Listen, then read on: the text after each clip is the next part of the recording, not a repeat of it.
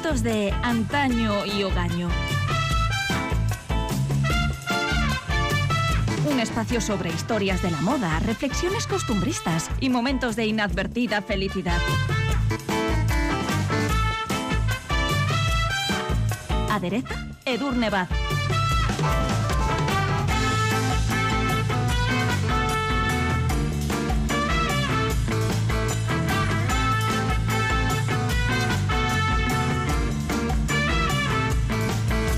4 de marzo de 1922 se estrenó en Berlín Nosferatu, película muda alemana que, bajo la dirección de Friedrich Wilhelm Murnau, llevó por primera vez el mito del vampiro a la gran pantalla.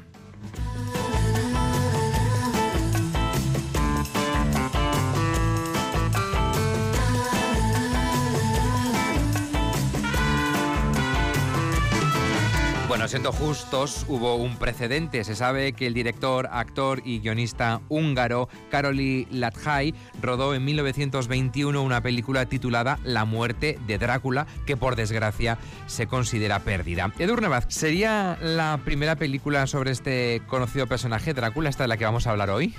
Bueno, la cinta de Murnau estaba llamada a ser la primera adaptación cinematográfica de la novela original de Bram Stoker, pero fue en realidad la primera adaptación no autorizada de la misma, ¿no? Porque Florence Balcom, viuda y heredera de Stoker, no había dado su consentimiento. Y veremos por qué. Claro, bueno, esto fue también pues eh, una negativa, pero tenía sus razones, ¿no? Esto, como imaginaréis, provocó la oportuna demanda y a punto estuvo de impedir que la obra hoy de culto viera la luz. Las circunstancias del propio rodaje resultan también legendarias debido a las peculiaridades que lo rodearon, incluido el excéntrico comportamiento de Max Reck, el actor que dio vida al conde Orlok y también del propio Murnau. Hoy, en Asuntos de Antaño y Ogaño, le hincamos el diente al centenario de Nosferatu, una sinfonía del horror, que dicho sea de paso no llegó a España hasta 1931.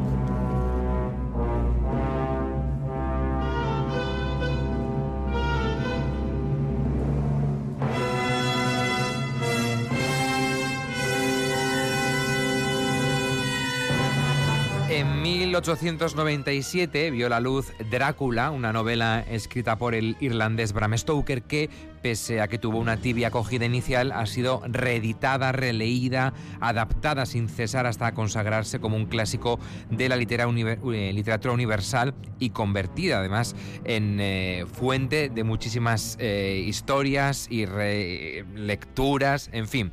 Además ha convertido al conde Drácula en indiscutible icono de la cultura popular. Sí, además tenía una estructura muy peculiar basada en fragmentos de los diarios de los personajes, cartas, telegramas, memorándums, recortes de prensa, informes o notas y esto marcó también un antes y un después en la historia de la literatura. Y si bien la figura del chupasangre ha estado presente en la mitología, la superstición y el folclore de diferentes culturas y civilizaciones a lo largo de la historia, podríamos afirmar, sin temor a equivocarnos, que el Drácula de Bram Stoker es el vampiro de referencia, es el vampiro fundacional, es el rey de los vampiros, el germen de toda una estirpe de vampiros, tanto literarios como cinematográficos o televisivos. Es el vampiro. Totalmente. ¿Eh? Qué mayúsculas. Bueno, entre las muchas, muchísimas adaptaciones cinematográficas, más o menos fieles a la novela original, más o menos delirantes según los casos, cabe destacar en primer lugar la película que hoy nos ocupa, que es Nosferatu de 1922, dirigida como adelantábamos por Murnau y protagonizada por un vampiro que carecía todavía de ese carisma, ese atractivo físico o esa carga erótica que bueno, está en el imaginario colectivo y que han sido los posteriores Dráculas, ¿no? Sí, desde luego no era el caso del conde Orlok, que era putrefacción absoluta, y para evitar el considerable gasto que implicaría la compra de los derechos de autor, los responsables de la película optaron, ni cortos ni perezosos, por cambiar el título y también los nombres de los protagonistas, y así, en la versión de Murnau, el conde Drácula pasa a ser, como decíamos, el conde Orlok, Harker se convierte en Hatter, Mina es renombrada como Ellen, Renfield Se convierte en Nock. El Demeter, el barco en el que Drácula viaja a Inglaterra, es en esta versión el Empusa y aquella Inglaterra victoriana original se convierte en una ficticia ciudad portuaria del norte de Alemania llamada Wisborg. Pero vamos, por lo demás, las comparaciones son tan inevitables como concluyentes. Y odiosas en este caso, ¿no? Sí, bueno, la película está muy bien, pero claro, ahí estaba Florence Balcom, viuda y heredera de Bram Stoker, pues claro, considerando con razón que esto era una tomadura de pelo, además de un delito contra la propiedad intelectual, por supuesto. Y cabe señalar, por si todo esto no resultaba ya lo suficientemente rocambolesco, que la viuda de Stoker no tuvo conocimiento de la existencia de esta película, no es que le pidieran los derechos y a los negara, es que nadie le preguntó, ¿no? Y ella se enteró porque, atención, recibió una carta anónima desde Berlín. ¿Y qué le decían en esa carta? ¿De qué le informaban? Bueno, en esa carta se incluía un programa de mano que se había elaborado para un estreno cinematográfico de 1922 con su acompañamiento orquestal completo y todo que había tenido lugar en el jardín de mármol del Zoo de Berlín. En este folleto en cuestión y sin recato alguno se describía esta película alemana que se había estrenado como una adaptación libre de la obra de Bram Stoker Drácula. Y tan libre, ¿no? Pensó una ojiplática Florence que interpuso una demanda por infracción de derechos de autor y ganó el juicio. El expeditivo tribunal ordenó que se destruyeran los originales y todas las copias existentes de Nosferatu, pero un reducido número de ellas ya se había distribuido por todo el mundo y fueron custodiadas y escondidas por particulares hasta la muerte de la viuda de Bram Stoker. Durante años han existido versiones cortadas y editadas por los distribuidores, versiones incompletas y hasta versiones que se habían reconfigurado sin respetar la estructura original que Murnau había elegido para su historia. Pero se ha podido recuperar. Se ha podido recuperar y esta reconstrucción íntegra de la versión original ha sido posible gracias a la ardua labor de expertos y aplicados investigadores, casi arqueólogos de las filmotecas europeas, como el director e historiador de cine español Luciano Berriatúa, que es uno de los mayores conocedores de la obra de Murnau. Su impagable trabajo, de hecho, ha hecho posible la restauración fidedigna de la película original, que está considerada uno de los máximos exponentes del expresionismo alemán.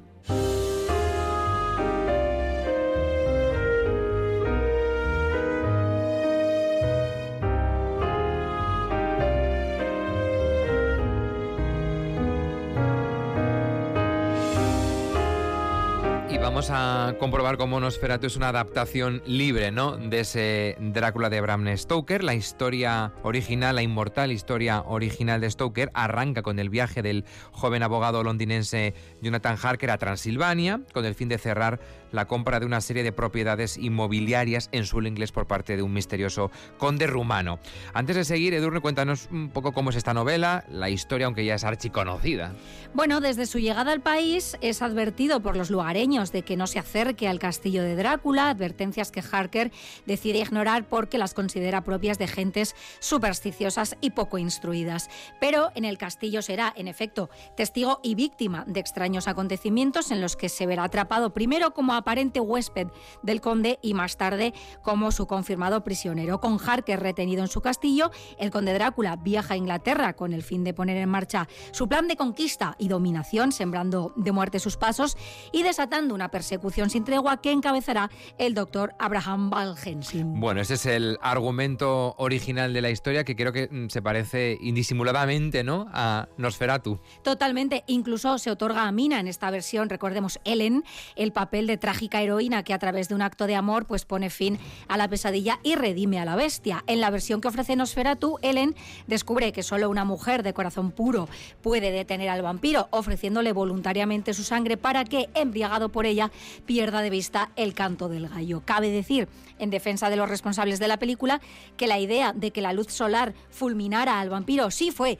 de su propia cosecha, esto hay que reconocerlo, y Stoker en realidad solo hablaba de que la luz del sol debilitaba al vampiro, pero bueno, lo de la luz del sol que mata al vampiro se ha quedado también ya y ha sido recogido por otras películas después, ¿no? O sea que algo también aportaron ellos en este sentido y así es precisamente como vemos morir al conde Orlok bebiendo con la sangre de Ellen hasta que el primer rayo de sol le pilla desprevenido, ahí todo entregado que estaba él y termina con su vida, se convierte pues en polvo y en humo, ¿no? Y de paso también termina con ella, esa doncella virgen ofrecida en sacrificio que es un gran clásico imperecedero. Bueno, es que como contábamos en los dos episodios que dedicamos al mito del vampiro y que se pueden recuperar en nuestra página web y en ITV Podcast, las historias de terror han servido siempre a la humanidad para asomarse a lo desconocido, ¿no? A sus más atávicos temores y por el camino dejar caer alguna que otra aleccionadora moraleja. Sí, y pocas cosas hay más aterradoras que la irrupción de lo siniestro en la vida cotidiana, ¿no? Con este argumento hemos visto un montón de historias terroríficas y en este sentido, tanto Murnau, director de la película, como Alvin Grau, que era su productor y director artístico, además de ocultista, pues habían combatido en la primera y devastadora Guerra Mundial. Cuando regresaron, se sumaron a la nueva corriente artística de el expresionismo que buscaba representar fuertes sentimientos y emociones desvinculándolos de la realidad objetiva. Se cuenta que a Grau se le ocurrió la idea de rodar una película de vampiros mientras servía en el ejército alemán, precisamente en la Primera Guerra Mundial, después de que un campesino serbio de origen rumano les contara a él y a sus compañeros de regimiento que tras morir su padre, un mal hombre que falleció en un accidente sin recibir confesión, se había convertido en vampiro y había sembrado de muerte en la región hasta que darle muerte. ¿no? En la obra de Murnau, como en la novela original, esa figura del vampiro vuelve a convertirse ¿no? en una manifestación de los miedos y complejos colectivos. Una de las similitudes. Exactamente. Si la novela de Bram Stoker sacudía los cimientos de la reprimida, patriarcal y autoritaria Inglaterra victoriana, algo similar hace Nosferatu con la convaleciente Alemania del momento. En ambos casos, el conde Drácula es también la encarnación misma de lo reprimido, ¿no? de los más bajos instintos. La propia mordedura del vampiro, como decíamos en su día, tiene mucho de simbólico ¿no? y de sexualidad soterrada porque vemos esos incisivos penetrar en la carne de sus víctimas y por ello con la destrucción del vampiro, es también destruida en sexista sacrificio la propia Ellen por haber entregado pues, su cuerpo al vampiro, aunque fuera para salvar a la humanidad. ¿no? En ambas versiones encontramos asimismo el miedo al enemigo exterior, que según algunas interpretaciones podría equipararse en el contexto de la Alemania del momento con el antisemitismo, y entre todos los asuntos que simbólicamente se abordan en Drácula se encuentra también la idea del contagio, ¿no? la amenaza del vampiro como portador de enfermedades como la sífilis, que de hecho acabó con la vida del propio Stoker, o la peste, encarnada en esta versión en el conde Orlok y en las ratas que con él llegan a la ciudad. Que dada la fecha en la que se rodó Nosferatu, mm, recordemos que fue en 1921 cuando se rodó, bien podrían aludir a la pandemia de la gripe mal llamada española que en aquellos momentos asolaba el mundo, ¿no? No en vano, Nosferatu deriva del término griego nosoforos, que significa portador de plagas, así que ahí parece que está la analogía bastante clara.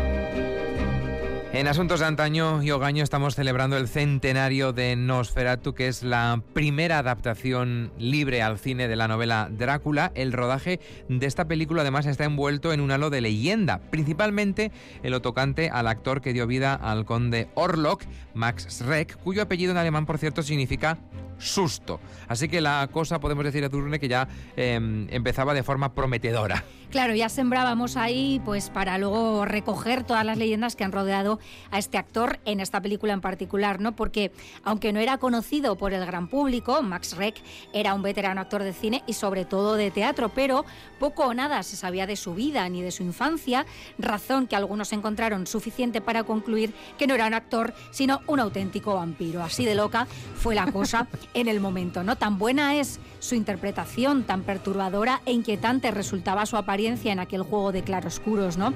Tan sobrenatural, espeluznante y grotesco es su conde Orlok que algunos parecieron no concebir que tal virtuosidad actoral fuera posible, ¿no? La única explicación razonable, pensaron, era que se tratara de un verdadero vampiro al que Murno había contratado para aportar la máxima verosimilitud posible a su película. ¿Cómo os quedáis? Esto es delirante, ¿eh? Esto es absolutamente loco y bueno, bueno, fue lo que ocurrió, ¿no? Y este hombre, pues bueno, era un actor normal y corriente, pero como nada se sabía de su biografía, ha aparecido de la nada, ha hecho una interpretación gloriosa y luego ha desaparecido, porque como veremos, murió también eh, muy joven, ¿no? Víctima de un infarto y claro, ya no se le volvió a ver, no se le había visto mucho antes y ya dijeron, era un vampiro que este hombre contrató para la ocasión. Todo esto contribuyó ¿no? a, esa consolidación de su vampírica leyenda. Bueno, y es este precisamente el punto de partida de la película La sombra del vampiro que se estrenó en el año 2000 y que fue dirigida por Edmund Elias Merhich. Sí, esta película recoge pues toda esta leyenda, ¿no? Y en ella John Malkovich interpreta a Murnau al tiempo que Willem Dafoe da vida a Max Reck, es decir, al vampiro real que supuestamente el director alemán contrató para su hiperrealista película y al que localizó al parecer en un viejo castillo de Checoslovaquia, que a lo mejor, pues como los castillos, oye, son caros de mantener, lo mismo el vampiro, necesitaba también unos ingresos extra y decidió probar suerte en el cine. En esta película se muestra cómo el director explica a su equipo que el extraño comportamiento del actor principal responde a que es un actor del método, ¿no? que está formado por el mismísimo Stanislavski.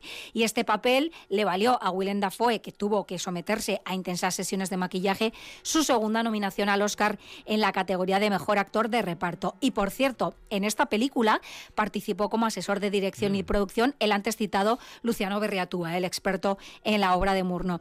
Pero no se vayan todavía, que aún hay más, como decía aquel, porque la disparatada rumorología no quedó aquí. También se afirmó que la protagonista femenina que iba a interpretar el papel de Ellen era en realidad una toxicómana contratada por Murnau para que fuera realmente mordida por Shrek, que recordemos a la sala era en teoría un vampiro de verdad, ¿no? Es como el casting del casting. Claro, es ya el metacine de la metalocura, ¿no? O sea, este rodaje pues fue una auténtica locura en este sentido. Me imagino que también benefició a la promoción de la película. Todo Desde luego ahora lo haría. Por supuesto. Y luego llegó La sombra del vampiro para recrearse en todo esto y ya pues cerramos el círculo, ¿no? Y claro, esta leyenda afirmaba que esa actriz que había sido contratada para que el vampiro real pudiera pues comérsela, realmente había muerto después del rodaje, ¿no? Y esto también se recoge en La sombra del vampiro, donde se ve cómo Murno promete a Max Reck que si le da la brillante y realista actuación que él busca y logra controlar hasta el final de la producción sus naturales instintos vampíricos, su premio será precisamente poder hincar el diente al cuello de la protagonista femenina, ¿no? Y tampoco penséis que el propio Murnau se quedaba corto en excentricidad, porque se cuenta que durante el rodaje le gustaba lucir una bata blanca de laboratorio y se hacía llamar Herr Doctor. Ay, ay, ay, ay, ay, ay. Por supuesto, ¿eh? No faltó una leyenda que persigue también a otras películas de este género, como Portergeist o El Exorcista. Estamos hablando de la muerte o de la misteriosa desaparición de varios miembros del equipo, que esto también aumentó la leyenda en torno a esta película. Por supuesto, será pues que como en el Demeter, Drácula se los iba comiendo a lo largo del rodaje, desaparecían misteriosamente y ahí está también pues aportando ¿no? más a la leyenda. Lo que sí sabemos que desapareció fue la cabeza de Murnau, su cráneo, que en 2015 fue robado de la tumba en la que yacía en un cementerio de Berlín y para añadir sustancia a la noticia se publicó que sobre el ataúd se habían encontrado restos de cera derretida que podrían estar relacionados con alguna clase de ritual ocultista o satánico. ¿no? Sea como fuere, la cabeza en cuestión sigue hoy en día en paradero desconocido.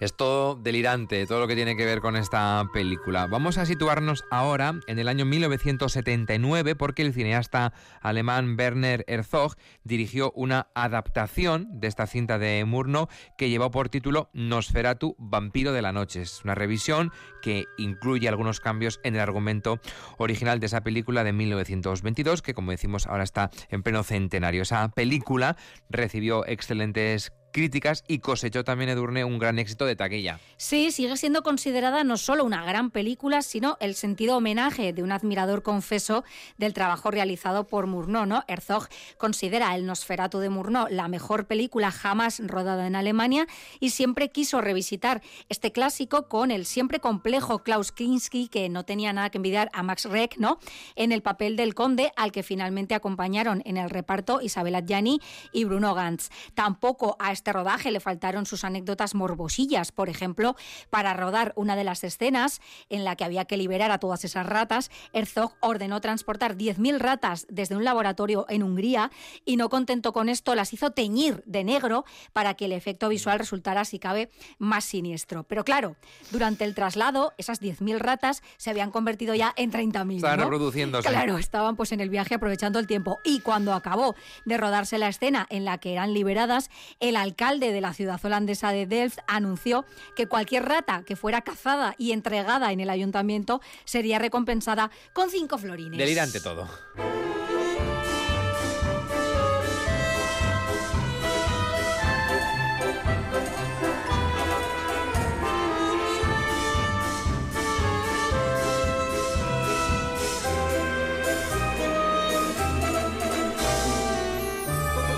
Recordamos que esta historia comienza con esta adaptación libre que se quiere hacer eh, de la novela de Bram Stoker, de Drácula, de Nosferatu. Hemos dejado a la viuda de Bram Stoker eh, enterada a través de una carta de que se iba a estrenar esta película y arranca esa batalla judicial, ¿no? Porque evidentemente es un auténtico plagio, eso es un delito. Pero finalmente Florence Balcón, la viuda y heredera de Bram Stoker, dio su brazo a torcer. Sí, bueno, porque ya las cosas se hicieron de una forma más reglada, ¿no? Ella firmó un contrato con los estudios Universal que en 1931 rodaron bajo las órdenes de Todd Browning el primer Drácula del cine sonoro, en este caso interpretado por el actor húngaro Bela Lugosi. Lugosi ya había interpretado con anterioridad este papel en Broadway y es el responsable además de esa imagen colectiva y estandarizada del conde Drácula, ¿no?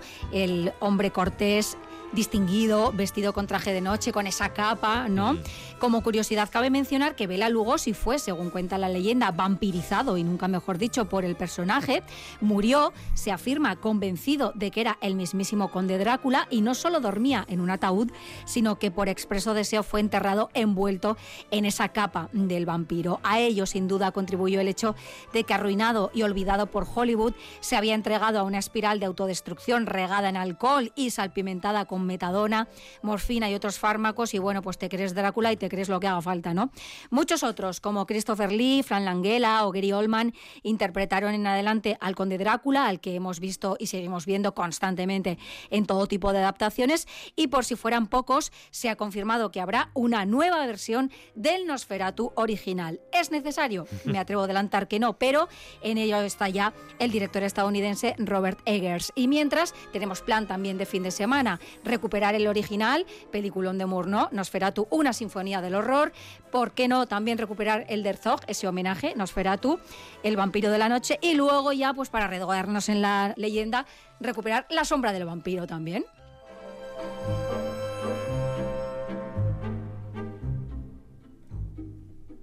Es probable que más de un actor, cuando le ofrezcan eh, reinterpretar el personaje de Drácula, se lo piense dos veces, ¿no? Porque todos acaban o vampirizados o con ciertas leyendas urbanas, ¿no? Que persiguen a quienes han interpretado ese personaje. Totalmente. bueno, mi Drácula por excelencia ya sabéis que es Gary Oldman, esa película de Coppola, Me encanta, pero bueno, siempre estamos a punto de ver nuevas. Es un mito que no se agota nunca, ¿no? Eso es. Edurne Vaz, es que ricasco por traernos este centenario de Nosferatu, la primera adaptación al cine de la novela Drácula. Eso, Regatica Gur.